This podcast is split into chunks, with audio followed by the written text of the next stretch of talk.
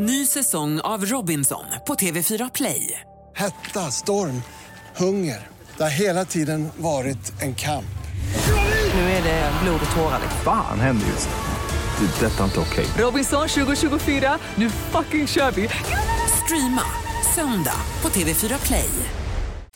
Hej, jag heter Gry Forssell och du lyssnar inte på radiostationen Mix Megapol. I alla fall inte just nu, för du ska ju precis höra ett nytt avsnitt av Mord mot mord. Men först vill ju vi säga hej. Hej, hej, det här är NyhetsJonas. Det här är Carolina Widerström. Och här är Gullige Dansken. Ja, och så Gry då, då. Det vi vill säga är att när du har lyssnat klart på den här podden, då får du gärna lyssna på våran. Vi spelar in ett nytt avsnitt varje morgon av våra podd Kvartsamtal. Och hela radioprogrammet blir ju också en podd om man är väldigt morgontrött eller så. Just det, om man missar morgonen ja. Men mest av allt så får du gärna lyssna på programmet i direktsändning varje morgon på Mix Megapol. Live varje morgon från klockan sex och då har vi med oss massor med vänner också. Thomas Bodström, Babben Larsson, Johan Pettersson, Christian Luuk. Massor med coola människor som bara dyker upp och gör livet bättre. Ja, som jag, Gullige Dansken. Exakt så. Och så mycket bra musik och annat skoj såklart. Så vi hörs när du vaknar på Mix Megapol. Podplay.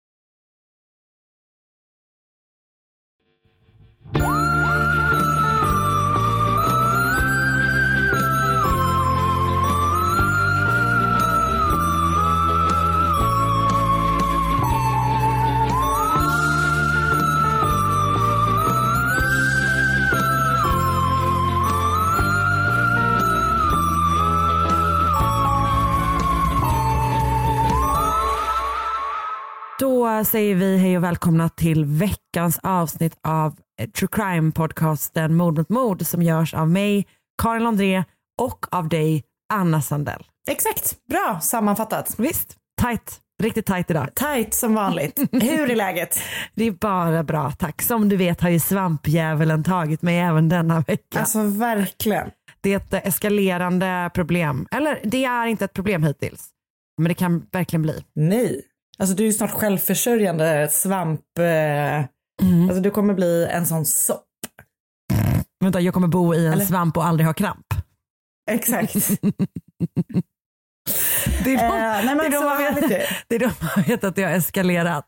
När jag nästa När vecka, bor. när jag nästa, nästa vecka bara, jag rapporterar till er live från soppen jag har flyttat in i. Då är det illa. Men eh, det Eh, var nej det. men det är så härligt ju. Ja, ja precis. Eh, jag gillar det. Ah, bra. Jag, det känns också som att ni har hittat så bra, att ni, liksom är, att ni har hittat så bra platser typ. Eller att ni är väldigt begåvade på det. Tack. Det är nog bara ett väldigt bra svampår tror jag. Men eh, Marcus sa innan att han bara, eh, skulle kunna tänka mig att säga upp mig och bara vara här ute och plocka svamp. Man bara, säga upp dig från vad Mar- till att börja med? Jag skulle precis säga det, Marcus, du bara, är bara you do you. Alltså, Åk ut och plocka svamp. Jag bara, men vad ska du, alltså har du tänkt att du ska sälja svamp, alltså om man ska tjäna några pengar? Ja, men han, gud, han, Han bara- kan jobba på torget. Han bara, nej det, det, har jag, det hade jag inte tänkt på men ja det kanske jag skulle kunna göra. Han vill bara, Ja, mysigt. alltså, han är tagen av svampiga djävulen liksom. Så det, Oskar blev det igår också, när vi var också ute på landet. Och eh, så när barnen sov, liksom, eh, middag, så sa han, jag sätter bara på mig mina joggingskor och joggar ut i skogen och plockar svamp. För då vill han liksom komma så långt ut som möjligt på så kort tid som möjligt.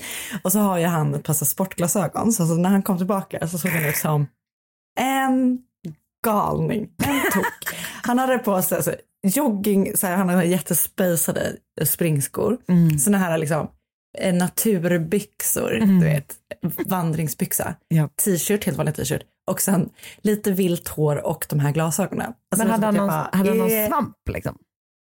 Ja, han hade hittat lite svamp. Och vart hade han, den, det kan ju addera galenheten menar jag om man liksom också har så, du vet fickorna fulla av svamp typ. Att man inte, Ja, typ så. Han hade det i en plastpåse, vilket känns ju liksom nästan lite snuskigt tycker jag. Alltså du vet, Ja, det, det- känns så här, äh, alltså, plastpåsar ska man ju liksom inte ha sin svamp i.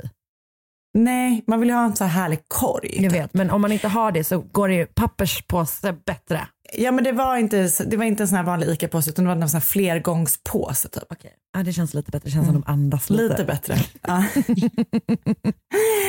Ja, men det var gott i alla fall för vi fick varsin kantarelltoast. Ja, vad bra, vad bra. Jag har ett tips som är då en sån eh, eh, liksom klassisk eh, true crime dokumentär på Netflix som heter Crime Scene The Times Square Killer. Oj. Ja. Och det är då eh, tre delar, bra längd, om eh, ett fall då som heter antingen kallas ibland för The Times Square Killer och ibland då The Torso Killer. Vi har gjort det här i podden Ja, för vi. The Torso Killer känner jag ju igen. Times Square Mm. Killer känner jag inte igen. Nej, men det är The Torso Killer. Och jag säger vi för, fast det är jag, för att det var avsnitt 23. Så att det, se den här dokumentären Så istället det- för att när du- lyssna på mitt avsnitt. När du säger vi så säger du det för att jag ska dela skulden. Ja, absolut. Vi vinner tillsammans och vi, Och vi förlorar, förlorar tillsammans. tillsammans. Eh, men den är, eh, det är han Richard Cottingham. Just. Eh, en fruktansvärd seriemördare som mördade kvinnor, liksom sexarbetare runt Times Square som var ju så här syndens näste verkligen på 70-talet. Ah, men den Men- är intressant. Liksom. bra liksom. Den är fruktansvärd. Ja, men den är bra. Absolut. Det kändes som jag hade sett den, liksom. Och så var det för att jag bara, det kan vara att jag har sett den, men troligtvis är det att jag gjort fallet, Fallet. själv i Mm. podden. Mm. För du kände så Så här, det är bara, det här tips. är exakt så här jag gjorde den. De Tre har, timmar. Känner du typ ihåg så här, den första har avsnitt- något av de första avsnitten? inte från mig?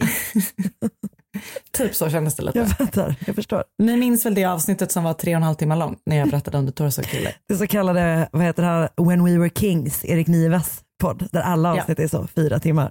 Alltså panik. Mm. eh, har du något tips? Ehm, jag har ett tips som kanske är lite, liksom, lite från, från, från höger eller vad man säger. Eh, nej men Okej. ehm, Wondery har just, eller har ganska nyss släppt en serie i, alltså absolut inte tre delar utan typ kanske tio poddavsnitt eller någonting. ehm, Mhm. Som heter Think Twice och handlar om alltså Michael Jackson. Och det Mm, är liksom en så här, ja, det är liksom verkligen bara så här, du vet, the history of typ. Eh, Mm. och den tar sig liksom hela vägen från typ Jackson 5-grejerna, vilket jag, ja, det är intressant på vissa sätt, men jag tycker att det är sjukt intressant just hela den här, liksom den, den kontexten som fanns runt honom. Då menar jag in, liksom knappt ens ehm, alltså anklagelserna om övergrepp mot barn, utan du vet, de här, den här, hela den här konstiga perioden när han var typ så, han sover i en kista, nu håller han ut Ja. sitt barn. Alltså du vet att det hände så himla mycket. Ja. Man har en sån minnesbild av att man var liten och att det hände så mycket konstiga saker runt honom. typ.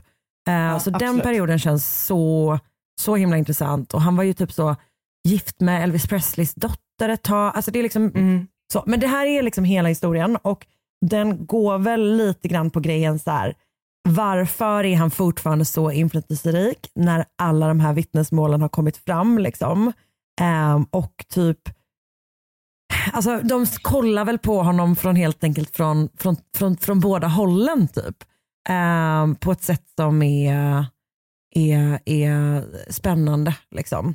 Eh, utan att då liksom på något sätt förminska alla de här eh, ju supermånga vittnesmålen som finns Mm. om eh, att han har liksom förgripit sig på barn. Typ. Det är en eh, så väldigt så här, journalistiskt bra berättad historia om, liksom, om hans uppgång och fall, eller vad fan man ska säga. Mm. Liksom. Mm.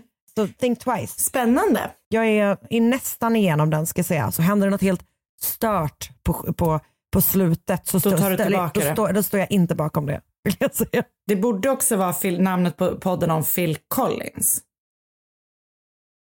Gud, Ja. vänta, är det inte han som har gjort den? Oh, think twice.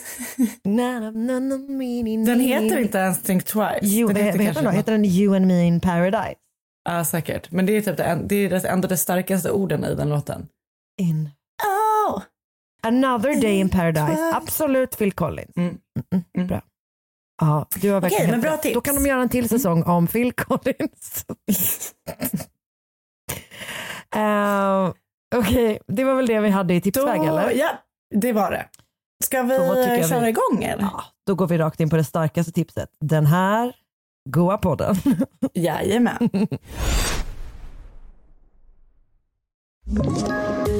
Poddtips från Podplay. I podden Något Kaiko garanterar östgötarna Brutti och jag, Davva, dig en stor dos skratt. Där följer jag pladask för köttätandet igen. Man är lite som en jävla vampyr. Man har fått lite blodsmak och då måste man ha mer. Udda spaningar, fängslande anekdoter och en och annan arg rant. Jag måste ha mitt kaffe på morgonen för annars är jag ingen trevlig människa. Då är du ingen trevlig människa, punkt. Något Kaiko, hör du på Podplay. Därför är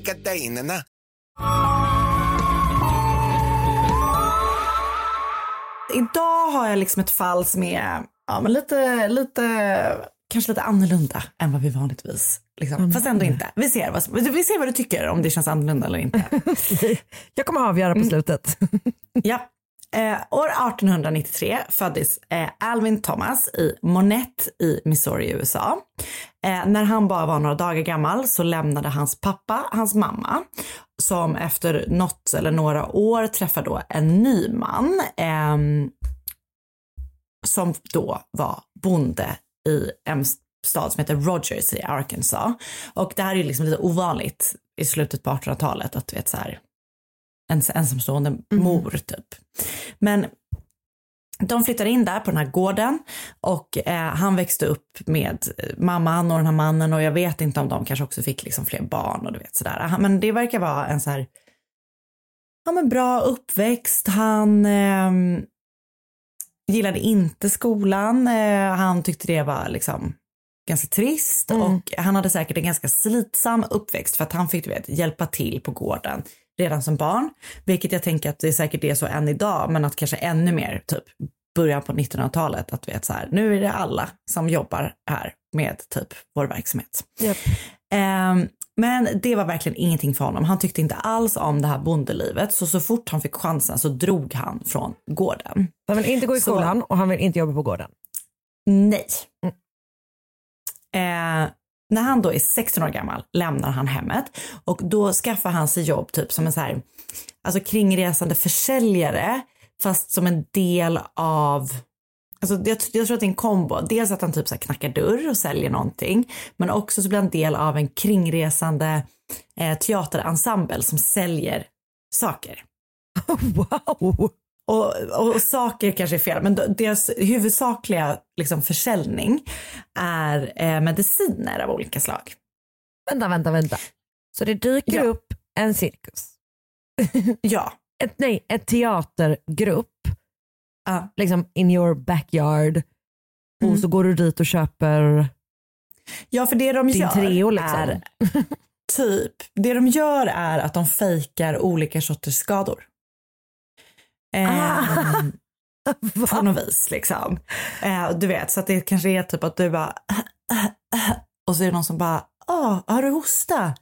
Eh, har du testat det här? Och så är det typ bara, köp Annas uh, Miracle Cough Syrup bakom tältet sen. Så tror jag typ att det är. Okej, okay.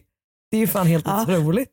Jag vet, det är helt otroligt. Och han spelar i den här då teatergruppen ja. en läkare som är sjukt, eh, sjukt glad och som älskar att spela om pengar.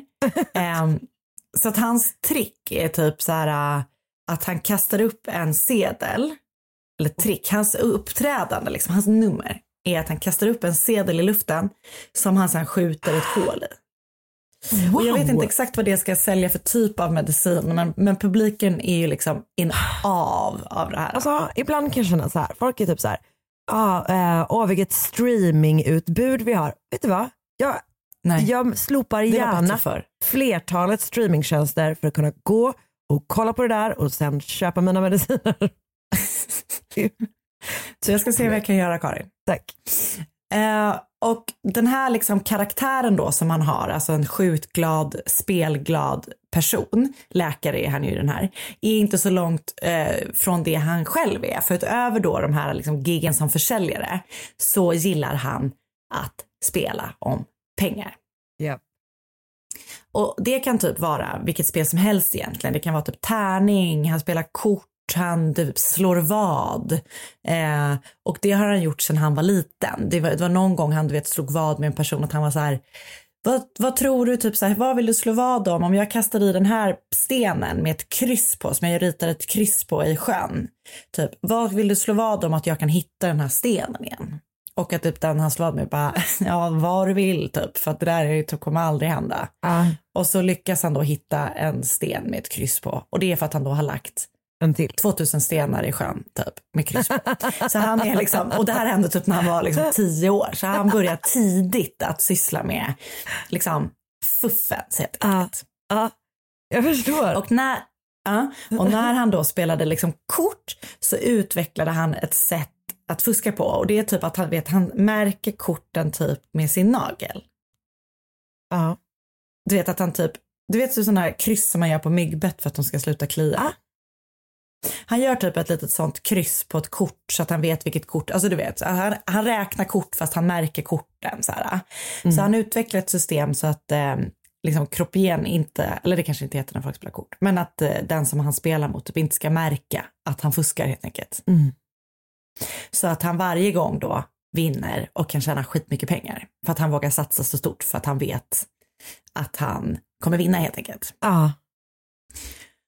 Och det var genom eh, att spela tärning som han år 1910, alltså då är han 17 år gammal, blev båtägare. För då spelade han tärning eh, mot en man som eh, liksom så här in hindsight kan man verkligen säga var det är uppenbart att han var spelmissbrukare. Han har slut på pengar och för att kunna fortsätta spela lade han in då liksom ägandet tills hans båt då i potten. Och eh, tyvärr då för den här mannen så var Alvin antingen väldigt tursam eller så fuskade han, hur man nu ger det i tärning, men det går säkert att göra det. Så han vinner då den här båten. Alvin tyckte nog själv att han liksom var en barmhärtig samarit för att han tog emot båten men erbjöd mannen som förlorat den att fortsätta jobba för Alvin för att förs- kunna liksom försörja sig. Ändå sj- sjukt kaxig 17-åring. Ja, det är 17. det är liksom ett barn. Det är lite som ett barn. Ah. Och den dagen då som han skulle ta sin ny, nya liksom baby boat out for a spin för första gången så frågade han en eh, spelkompis som heter Jim om inte han skulle följa med. Och Jim tackar ja och väl ute på sjön då så börjar de spela tärning mot varandra för det är liksom det de gör när de umgås. De spelar om allt liksom. Ja. Och eh, Alvin liksom vinner stort.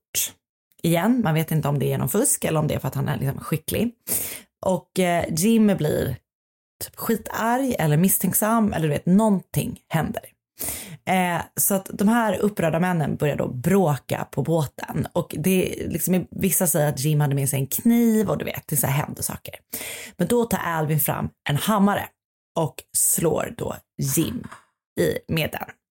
Och det här leder då till att han tappar medvetandet och ramlar i vattnet. Eh, och eftersom han då är medvetslös när han trillar i så drunknar han och avlider. Okej. Ser skithemskt liksom. Ehm, och Alvin då liksom såklart tas in av sheriffen som så här förhör honom om den här Jims dödsfall. Men eh, Alvin lyckas helt enkelt deala och wheela med sheriffen och erbjuder sheriffen båten eh, som Alvin då har vunnit och som Jim har drunknat ifrån i utbyte mot att, att han får gå fri. Och det här då tycker sheriffen är liksom en bra, en bra lösning på problematiken helt enkelt. Så Gud, att eh, Alvin går fri från typ, alltså det kanske inte är mord då för att det var ju uppenbarligen inte planerat men det måste ju vara någon slags dråp helt enkelt. Ja.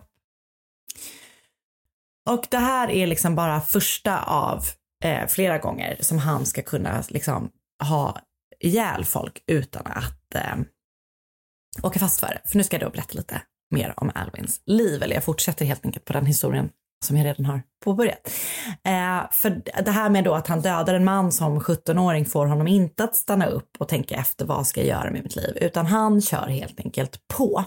Och några år senare, i april 1912, så är Alvin på en bar och spelar biljard mot ett gäng olika gubbar. Och han liksom bara vinner, vinner, vinner. Alla är liksom helt häpna av den här unga mannen som liksom spelar brallorna av alla andra. Och en gubbe som är där och typ bevittnar allt det här är bara så här, vem är den här snubben? Och bartendern frågar då typ så här, eller svarar då typ så här, "Nej, jag har ingen aning men han borde heta Titanic för han sänker alla han möter. För det här är då precis när Titanic har sjunkit. Och på det här viset då får Alvin sitt nya namn. För från och med då så gick han under namnet Titanic Thompson. Starkt ju! Men det är så starkt. Alltså jag får panik. Jag vet om att han är a bad bad man. Ja, ja. Men det där är ett namn Mm. och det har något. Det har något. Jag Det vill verkligen något. bara... Mm. Det, Jag det vet. var det. Så Titanic då, eller Ty som han kommer kalla sig själv för också, skapar sig sen då en karriär, eller vad man vill kalla det för, som professionell gambler och lurendrejare. Ah. Och utöver liksom att han gör de här sakerna så är han också liksom absolut en kvinnokar. Och innan han ens har eh, hunnit bli 25 så har han varit gift två gånger. Totalt kommer han liksom under sin livstid kommer han ha varit gift minst fem gånger. Och det verkar som att det som är återkommande för alla hans fruar är att de är väldigt unga. Alltså liksom väldigt unga, problematiskt unga. Eh, för när han själv är ung då så är det, gör det kanske inte så mycket att han är 20 och hans tjej är 17.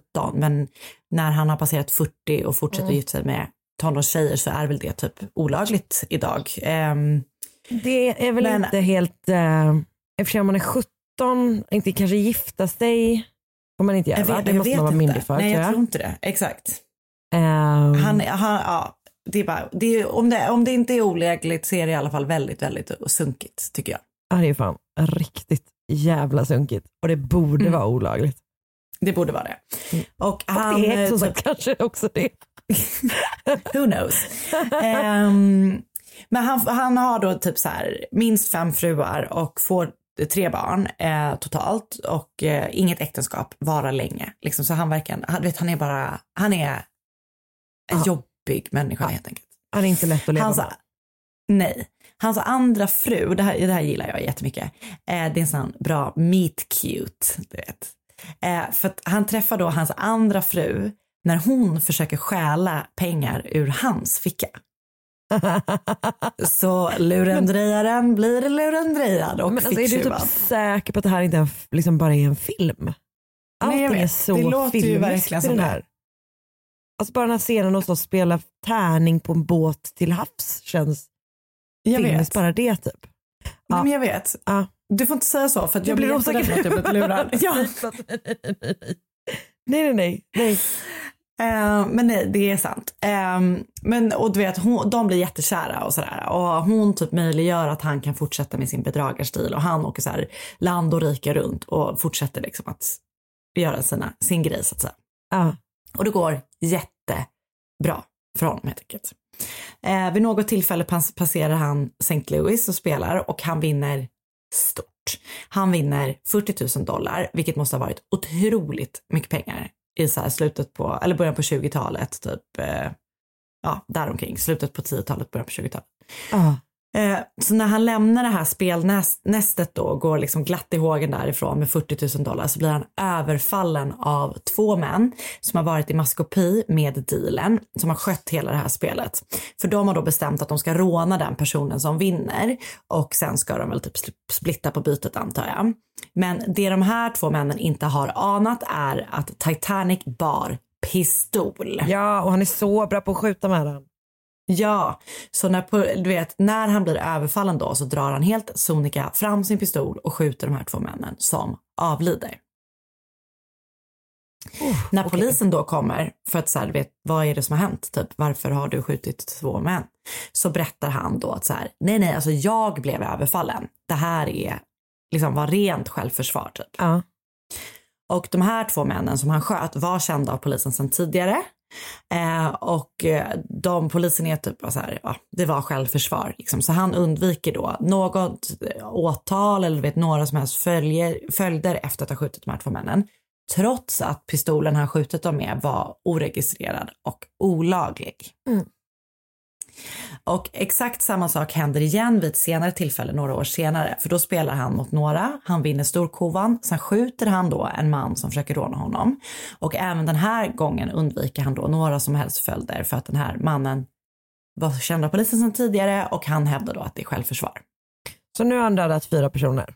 Ja, och det beskrivs typ som att så här, du vet, polisen typ tycker att han gör dem en tjänst för att du vet, han får bort skummet från gatorna. Typ. Okej, Dexter. Ja, verkligen. Eh, och du vet, det, det är precis som du säger, så här, det, allting är helt osannolikt eh, i hans liv. För du vet, han börjar som en liten bondpojke och så vet så tar det hans bluffande honom ut i stora världen, liksom, eller runt om i USA. Eh, och eh, han har ju då liksom, jag tänkte på det när jag skrev det här, för du vet, vissa, han är ju, han är ju så talangfull på något vis ändå. Han är Mm. påhittig du vet så här, men han väljer att göra fel saker med sin talang. För till exempel så kommer han på av en händelse att han är en naturbegåvning på golf. Okej. Vilket ju jag också visades vara för några somrar sedan. Just det. Men istället för, och han, vet det beskrivs som att han är så bra så att han skulle kunna bli professionell golfspelare. Men det var väl det de sa istället- med? Ja, ja, ja. Nej, absolut. Och min tränare hade ju tränat Jesper Parnevik. Och då sa, och sa ju till dig att du var en större talang. Ja. Och snyggare i skärm. Exakt. eh, tack för att du tar upp det ändå. ändå liksom. Jag gillar det. Ehm, ja, nej men så istället då för att satsa på en professionell karriär så bestämmer man sig för att utnyttja sina golfskills för att såklart blåsa folk. Och du vet, där börjar han också göra alltså, konstiga vadslagningar om hur långt han kan slå bollen och du vet massa grejer. Det är liksom han, han är påhittig kan man verkligen säga. Ja. Och anledningen till att han inte vill skifta karriär och liksom go laglig och go pro är för att han inser att så här, jag tjänar bättre på att spela en dag än vad jag skulle göra på att vara professionell golfspelare på ett helt år. Japp. Eh, ja, så att det, det är liksom bara, han är bara, han, han använder sin talang på fel sätt helt enkelt. Och det han gör, liksom, hela hans liv bara tar ju honom vidare till så här udda situationer. Till exempel då, udda situationer och udda möten. För till exempel då så blir han väldigt god vän med en man vid namn Nicolas Dandalos som är liksom någon slags gangster, som är liksom stor, välkänd gangster. Och han kallas Nick the Greek. Att han är, från, han är grek. Antar det. Ja. Eh, och de gillar då att spela tillsammans och de, är, du vet, så här, de hjälper varandra när det kniper. Mm. Och vid något tillfälle så spelar då Nick the Greek och Titanic Thompson mot en man som heter Arnold Rothstein som även han var en känd gangster. Och eh, Arnold Rothsteins största liksom, claim to fame var att han har mutat Chicago White Sox att med flit förlora en match så att han skulle vinna pengar i ett stort vad. Det är så deceitful, eller hur? Japp, det är klart. Det är kul att Så ha de här tre... claim to fame. Nej, de här det, det, det är liksom- mutkillen. Det är läggmatchkillen. Exakt. Mm. De här tre liksom skurkarna helt enkelt spelar då mot varandra och det slutar då med att Rostein förlorar en halv miljon dollar. Så det är ju skit mycket pengar. Ah. Nu som då. Ehm, och han är typ bara så här, "Nej, men jag ska självklart betala den här skulden. Men jag väntar på att få en stor summa pengar från ett vad som jag är med i. Där jag har bettat på vem som ska bli Amerikas nästa president. Mm. Mm. Vattentätt Mm. eh, vad. Tyvärr, eh, tyvärr så har han då bettat fel och han förlorar då alla pengar han har och du vet kan då inte betala tillbaka pengarna till alla som han är skyldiga, bland annat då eh, Nick the Greek och Titanic Thompson. En kort stund efter det här så skjuts han till döds. Arnold Rothstein. Ja. Det är ingen som har fällts för mordet på honom. Det är liksom, de har förhört massa olika personer för Mm. liksom med många olika motiv. Men it makes you think, tänker jag ändå. Ja. Men som sagt, man har ingen aning. Um, helt enkelt. Och oavsett om det var då Titanic eller eh, Nick the Greek eller vem det nu var ehm, som mördade honom så verkar det inte som att den här episoden heller påverkade Titanics liv särskilt mycket. För han fortsatte ehm, med sin skit liksom. Och eh, vid en golftävling så ehm, kom han på en ung kille stjäla ur hans bil och då gick han fram och sköt den här personen. Mm. Och även den här gången så kom han undan eh, med att det skulle ha varit självförsvar eftersom han blev rånad. Och det blev inga följder liksom, för det. Däremot så höll han och på att åka fast vid det här tillfället för att han var i sällskap av två unga tjejer som var 15 och 17 år gamla eh, när han då själv var 40 år. Eh, och då var det typ att, så det var liksom typ olagligt att vara ute och köra med två omyndiga flickor.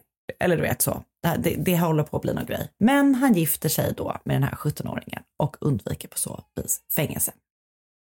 Så att eh, det här är då vad liksom var det är liksom short version om Alvin Titanic Thompson och hans super, super konstiga liv.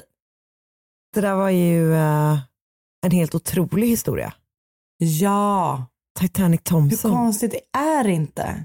Vänta, och vad är vi uppe i för siffra till slut? Han har då alltså eh, dödat, som man vet, fem personer. Men misstänks för en till. Ja, och jag vet inte om han var liksom huvudmisstänkt för att han har aldrig det varit uppe i rätten. också. Så här, det, Nej. det fanns väldigt många andra och du vet, det var, det var någon som också var liksom lite gangsteraktigt som var inne och satt i häktad och du vet, var uppe i rättegång och så, men som friade. Så det är ingen som har fällts för mordet på honom. Nej. Det, han, han nämns ändå liksom i Nej, jag fattar. Jag fattar som en potentiell misstänkt. Och uppenbarligen Ja, en person och- som är är mördare lite när han känner för det. Ja, precis. Verkar inte ha särskilt mycket liksom, knussel kring att döda en människa, liksom ta någon annan människas liv. Eller gifta sig med en 17-åring. Mm. Jävlar! Vilken Ja. historia. Eller hur? Ehm, och nu då så har jag läst eh, en artikel som heter Titanic Thompson, the golfer who married five women and murdered five men av Lauren Wow. Dillon på Historic Mysteries. Jag har läst lite olika Wikipedia-sidor och en podcast som heter The Story You Never Heard. Avsnittet heter Titanic Thompson.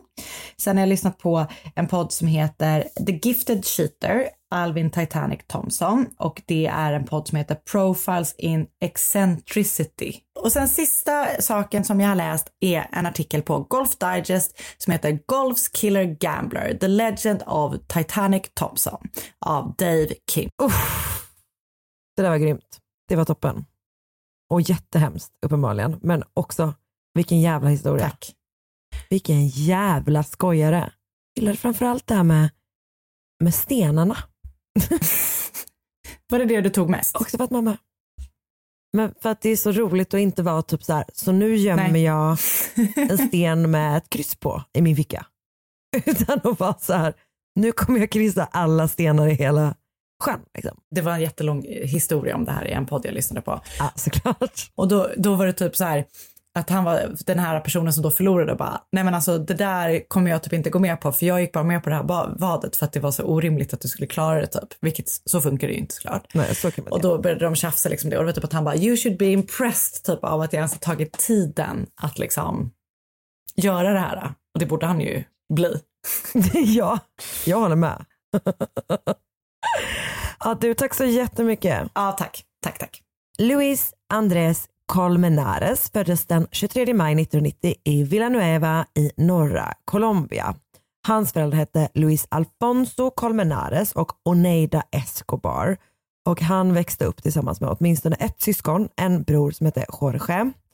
Familjen hade det gott ställt och när Luis blev äldre så flyttade han till Bogotá för att studera industriell ekonomi och liksom till eh, civilingenjör på det väl ansedda Los Andes universitetet.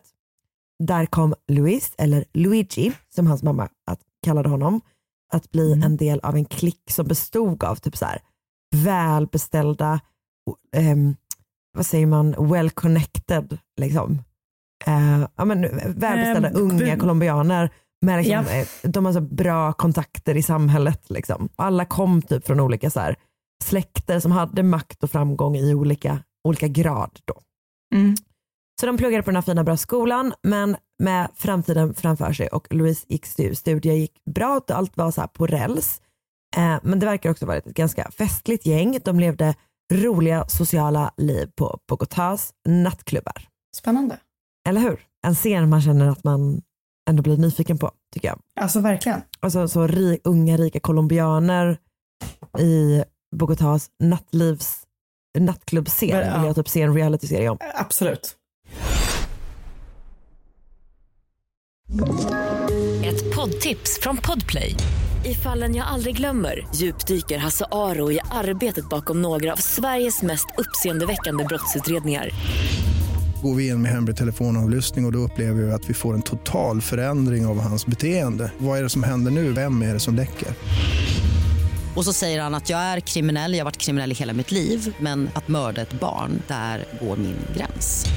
Nya säsongen av Fallen jag aldrig glömmer på Podplay.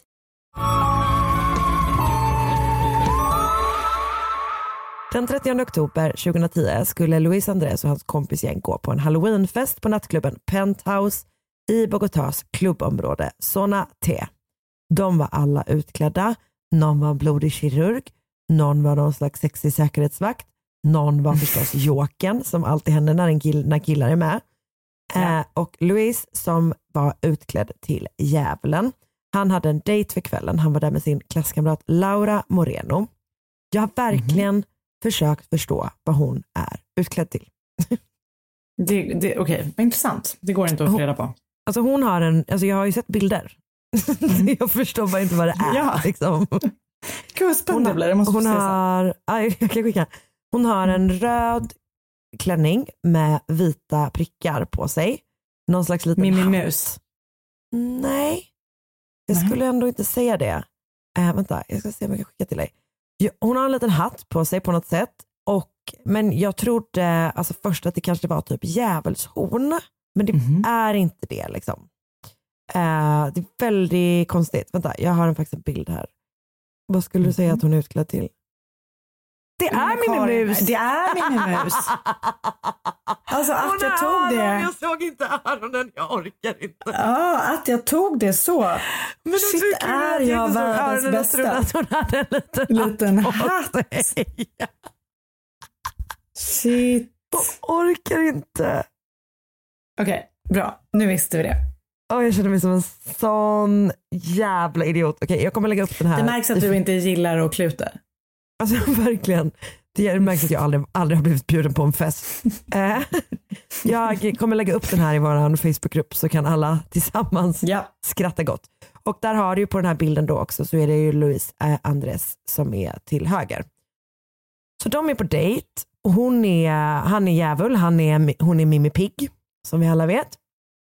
Hon har inte en hatt på sig.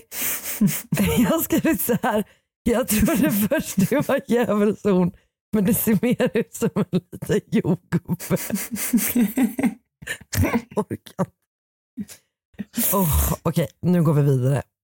Hur som helst, de har varit vänner tidigare eh, och gick som sagt, i samma klass men relationen har liksom fördjupats och Louise Andres är väldigt intresserad av Laura. Det verkar också som att hon gillar honom men det är han ändå som pursuing her kan man säga. Vid kvart över tre lämnar kompisgänget klubben och de är liksom ett helt gäng och de, går, de ska ta Lauras eh, eh, SUV, hennes eh, bil från klubben. Men Luis Andres är väldigt full och börjar bete sig lite märkligt. Alltså, han är som att han är typ orolig, alltså som att han har ångest. Liksom.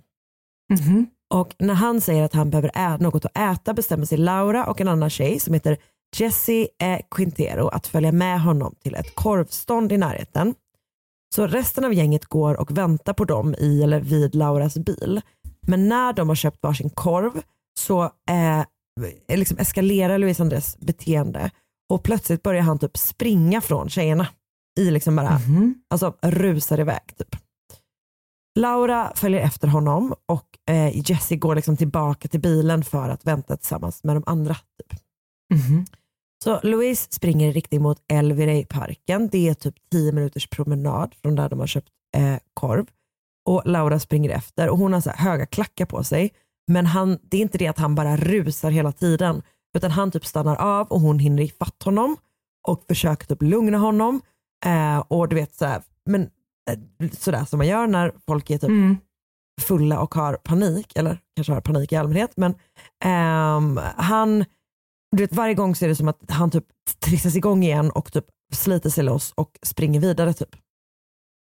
Hon har då nästan tappat honom ur sikte när han liksom har kommit in i parken, eller de har kommit in i parken och hon ser honom springa mot en, alltså i den här parken går det som ehm, liksom kanaler som ska typ leda bort vatten. Liksom.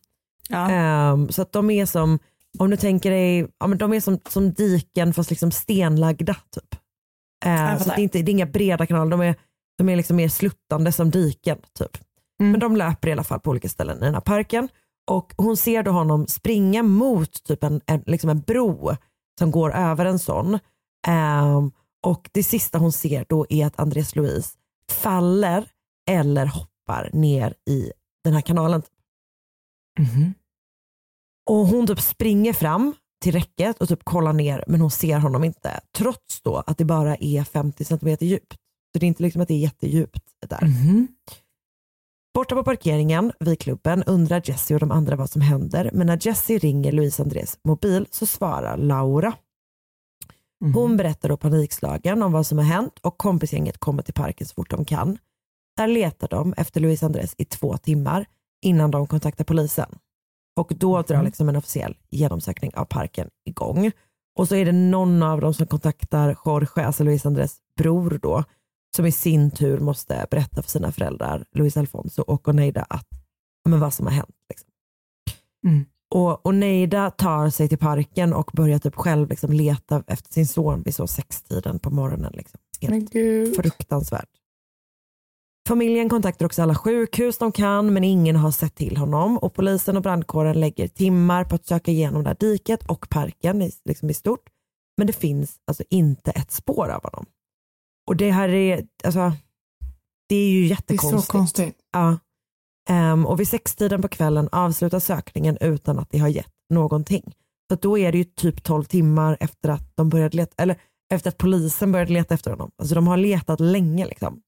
Mm. Ehm, men drygt tre timmar senare, klockan nio på kvällen, så kommer ett anonymt tips till polisen där de uppmanas att söka igenom en liten tunnel i kanalen drygt 120 meter från där Andres Louise hamnat i vattnet. Och när de gör det så hittar de då till slut hans kropp. Men gud. Och han, ehm, alltså en rättsmedicinsk undersökning slår fast att han har slagit i huvudet i fallet och han har drunknat. Och det man kan konstatera då är att han har väldigt, väldigt hög promillehalt i blodet. Liksom. Mm. Vilket man tror spelade in. Ehm, och med det här, så av, men fallet avskrivs inte vad jag förstår som en olycka utan som ett självmord. Liksom. Okej. Men det kan jag säga direkt, det är ju liksom så här, det är mycket eh, oklarheter som man känner kanske lite grann så lost in translation eh, grejer och sådär. Eh, och det händer väldigt mycket saker i det här fallet. Så det, Ja, eh, det är mycket fram och tillbaka helt enkelt. För Colmenares-familjen är övertygad om att Luis Andrés död inte var en olycka och de blir ännu mer övertygade när Oneida i en dröm, eh, liksom, att Luis Andrés kommer till henne i en dröm och berättar då att svaren eh, för vad som hände finns i hans kropp, säger han. Mhm. Och ehm, hon kommer liksom från en kultur där det är helt naturligt att liksom tolka drömmar som någon slags indikation på så hur saker ligger till i, i, i vakenlivet. Liksom. Så hon är övertygad om att hennes son verkligen försöker berätta något för henne från andra sidan och familjen bestämmer sig för att betala för en ny obduktion. Så flera månader efter begravningen öppnar man Louise Andrés grav i Villanueva och genomför inte en utan två nya rättsmedicinska undersökningar som kommer fram till något helt annat än de, eh, den första. För i den första av de här två undersökningarna så slår man fast att han har dött en våldsam död som inte stämmer, överens med ett fall och en huvudskada, en drunkning och sådär. Okej. Och i den andra så visar, alltså kommer man fram till att han har då åtta skador på kroppen.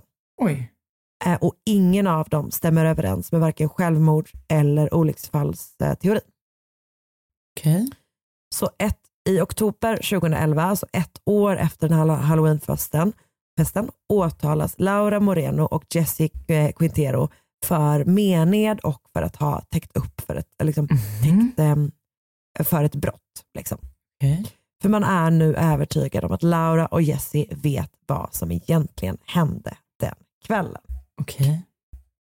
Den övertygelsen stärks ytterligare när ett nytt vittne trädde fram i juni 2012. Han heter Wilmer Ayola och han berättar att han och hans vän Christian natten till den 31 oktober 2010 såg en, eh, liksom en, en SUV, då, en SUV, stanna nära eh, kanalen och att ur den bilen så klev Louise. Sen har de då sett Laura Moreno följa efter och de har sett henne typ örfila honom. Okej. Sen kliver ytterligare en person ut från bilen, en person som heter Carlos Cardenas och han var Lauras ex. Han är också typ så med i det här kompisgänget mer eller mindre. Han kommer också från typ en rik och liksom well connected familj men han är också lite av typ en bad guy kan man säga. Okej. Och vittnet säger då att han har sett Carlos slå Louise i huvudet med en flaska.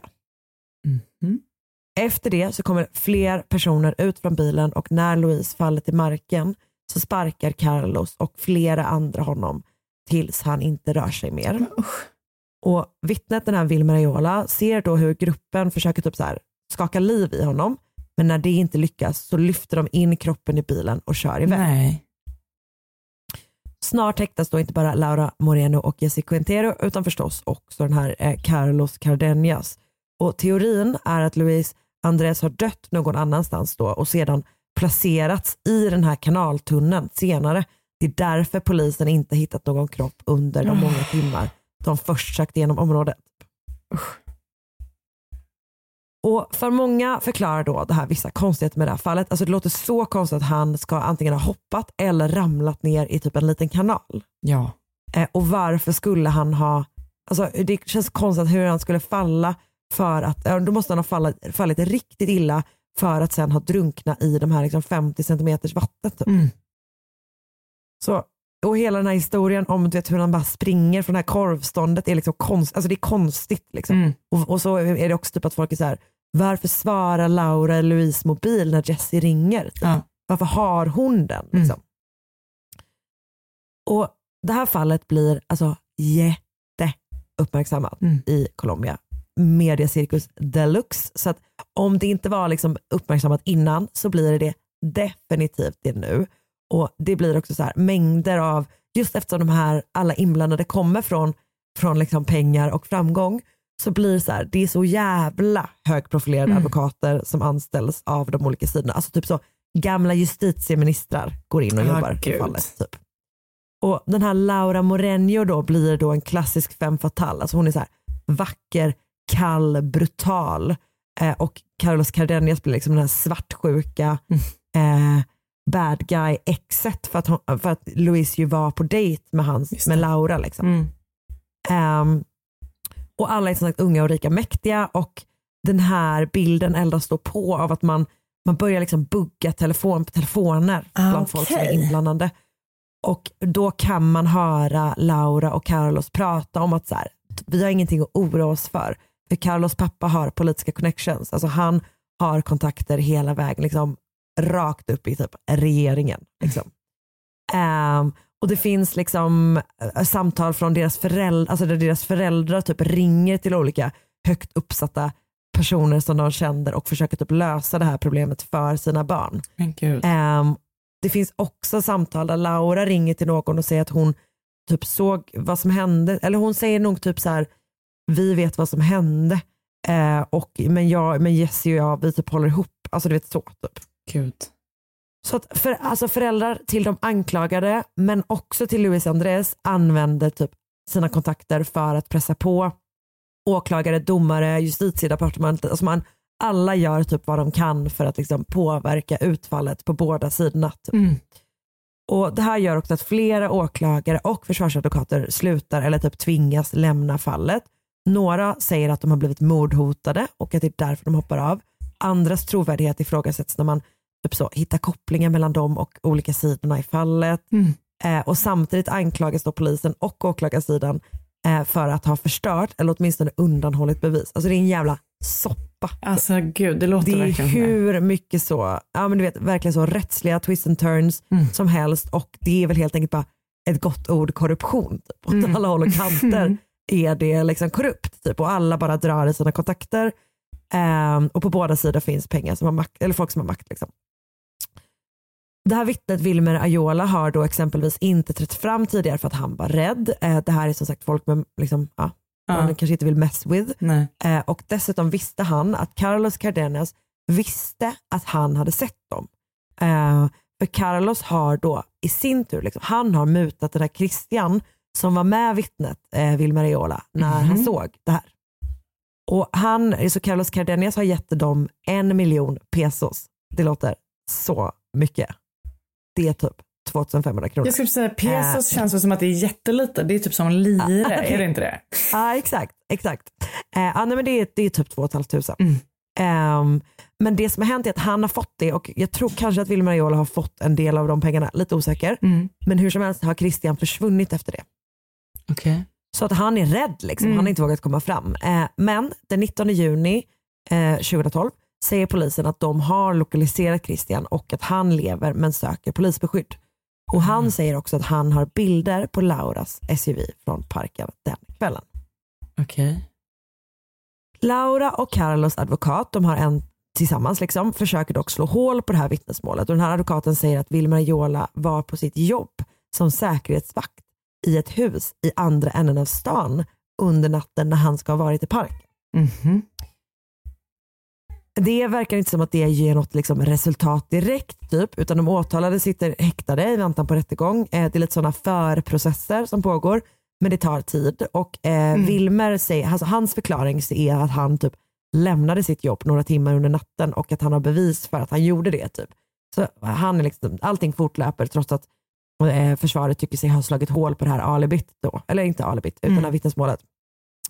Men i oktober 2013, alltså tre år efter den här natten, får det här fallet då ytterligare en twist. För då berättar Wilmer Aiola i en radiointervju att han har ljugit. Han har fått betalt för att vittna falskt för att stötta åklagarens mordteori. Okej. Han säger att han inte är den enda som fått det och han säger att åklagarsidan alltså, direkt varit inblandade i att betala falska vittnen. Han säger till och med att alla vittnen var på lönelistan. Nej. Och efter det här faller det mesta ihop i fallet mot Carlos Cardenas som, ju, som dessutom har alibi för kvällen. Alltså, det finns ju ingen annan som sätter honom, Jessica Quintero och Lauro Moreno, de är ju där. Eh, och eh, Carlos Cardenas, han är på samma klubb den kvällen men han är inte med det här gänget. Liksom. Han är inte med i bilen, han är inte med och letar, letar efter Luis Andres. Det- Alltså, det är bara det här vittnesmålet som typ placerar honom på platsen. Liksom. Mm. För att han är en tacksam, eh, alltså en tacksam potentiell gärningsperson. Mm. Och han har som sagt han har varit på den här penthouse halloweenfesten men han har, typ, han har åkt därifrån, han har varit med sin syster, sin svåger och sin dejt. Och eh, alltså han, han har varit på andra ställen med. Liksom. Men 2017 var det hur som helst dags att ställa Laura, Laura Moreno och Jessica Quintero inför rätta för sin inblandning i Luis Andrés Colmenares död. Och då är ju de alltså åtalade för att ha typ, alltså ljugit, liksom. att de har begått mened eh, och att de har täckt upp för dem som då potentiellt har mördat Luis Andrés eh, Colmenares, även om man inte har någon aning om vilka det är. Nej. Och jag vet inte om det finns en tanke att man tänker att så här, om vi sätter dem i en rätten så kanske de kommer berätta vilka de är. Kanske. Mm. Ehm, men med den här rättegången så kommer massor av nya cold hard evidence. För man kollar data från vännernas mobiler som starkt indikerar att det inte finns liksom något fönster där de har kunnat begå det här mordet. Typ. Alltså de har inte kunnat begå det här mordet, köra fram och tillbaka, lämna av kroppen, alltså hela den Nej, grejen jag går liksom inte ihop med var deras mobiler har varit. Och sådär. Som sagt, det finns ju inga vittnen kvar. Och eh, man gör också tester där man ser att det, alltså med det kraftiga regn som har varit under perioden då Louise dog, så hade hans kropp lätt kunnat spolas från platsen där Laura sa att han hoppade till tunneln där han hittades. Alltså det var liksom det var starka vattenströmmar där då och du vet man gör så tester med olika sådana eh, med typ dockor och så ser att det Mm. kan ha hänt. Liksom. Ehm, det visar sig också att polisen och brandkåren faktiskt inte sökte i tunneln där han hittades, alltså där i början. Typ. För du kommer ihåg att de, det de Mm, sa var att mm. teorin var att de, att de har, placerats där i den här luckan när polisen har slutat Exakt. leta. Det är därför han hittats sen. Mm. Liksom. Men de har inte kollat i den här tunneln, visade det sig. Ehm, dessutom visar ytterligare rättsmedicinska undersökningar att Louise skador visst stämmer överens med en fallolycka och bedrunkning. Okej. Det verkar dessutom som att man vid, alltså kom ihåg, först görs en rättsmedicinsk undersökning, sen görs två rättsmedicinska undersökningar. Mm. eh, efter när man har liksom öppnat graven igen. Och den andra av de två är den som kommer fram till att det finns åtta skador på hans kropp som inte är förenliga med liksom den här originalteorin. Det visar sig att de skadorna är på grund av den första obduktionen, eller den förra obduktionen. Så du vet, det är, liksom he, en helt, det är uppenbarligen helt idiotiskt gjort. Typ. Det, är att, det, är så här, det, det är liksom spåren av den förra rättsmedicinska undersökningen som man har sagt så här, han har blivit utsatt för våld. Typ. Vad sjukt.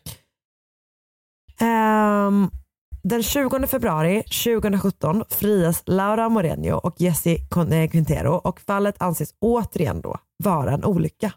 Så det är liksom tillbaka där nu. Shit. Men hos allmänheten finns misstanken om att Luis Andrés Colmenares faktiskt mördades i allra högsta grad kvar och de anklagade har haft extremt svårt att leva ett vanligt liv. Jag läste någon artikel som jämförde Laura Moreno med typ hur folk ser på Amanda Knox. Ja, ja det kan Alltså man ju. lite grann ja, jag nu, fattar. nu då. Det är liksom den, lite grann den typen av fall. Typ. Mm. Samtidigt är ju då Luis Andrés familj fortfarande helt övertygad om att hans död inte var en olyckshändelse Nej. och att den som är ansvarig nu går fri deras sons liv liksom avslutades alldeles för tidigt.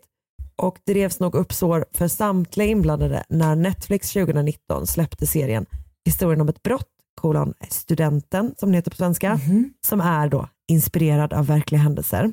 Eh, och som absolut berättar historien utifrån perspektivet att Luis Andrés mördades och att Laura och Jesse bestämde sig för att täcka upp för det mord. Okay.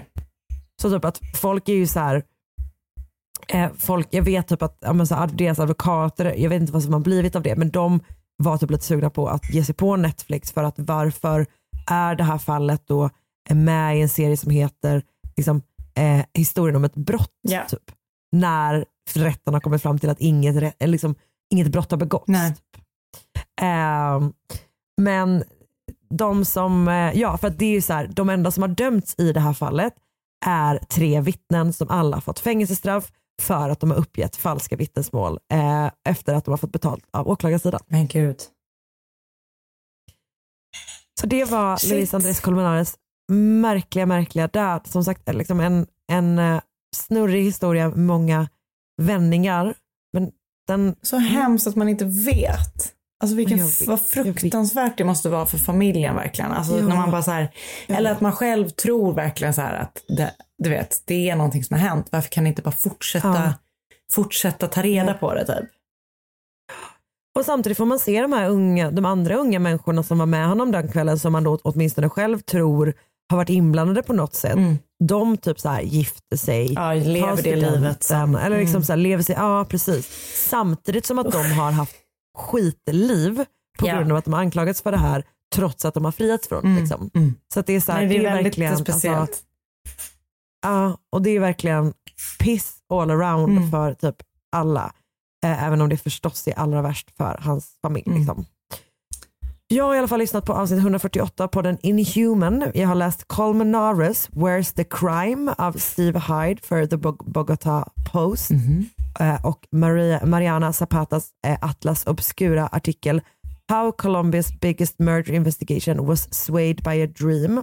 Sen har jag läst ett par olika nyhetsartiklar på semana.com. Jag har läst på asuntoslegales.com, eltiempo.com och så förstås också på Wikipedia.